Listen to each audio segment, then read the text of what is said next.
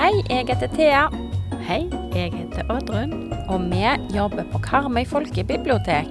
Velkommen til Bokfriminuttet.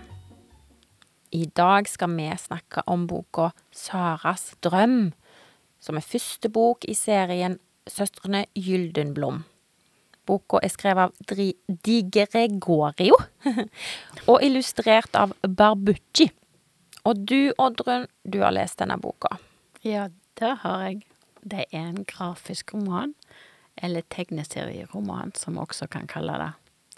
Det er i tillegg òg en fantasyroman, og de som har hørt på tidligere podkaster av oss, vet at det liker jeg veldig godt. Ja, du har jo snakka om en del fantasyromaner. Så det er jo greit at jeg snakker om litt andre bøker, da. Ja, det er godt at vi har ulike interesser, så blir det mer bredde i utvalg og bøker. Eh, Hva handler denne boka om, da? Den handler om tre søstre, Sara, Krasiopeia og Lucille. Men de er veldig forskjellige, og det fører til krangler iblant.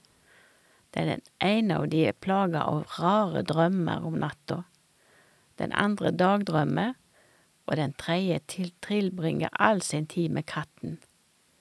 En dag så finner de et mystisk bilde av mora, der hun er gravid.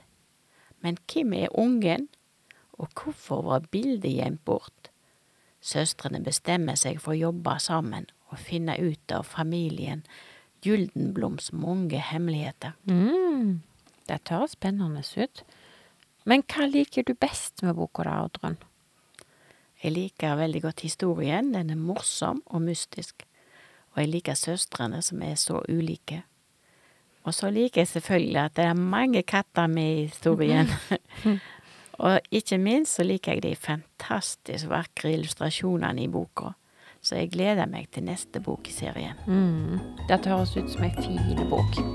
Og hvis du som hører på har lyst til å lese boka, så kan du låne den på Karmøy folkebibliotek.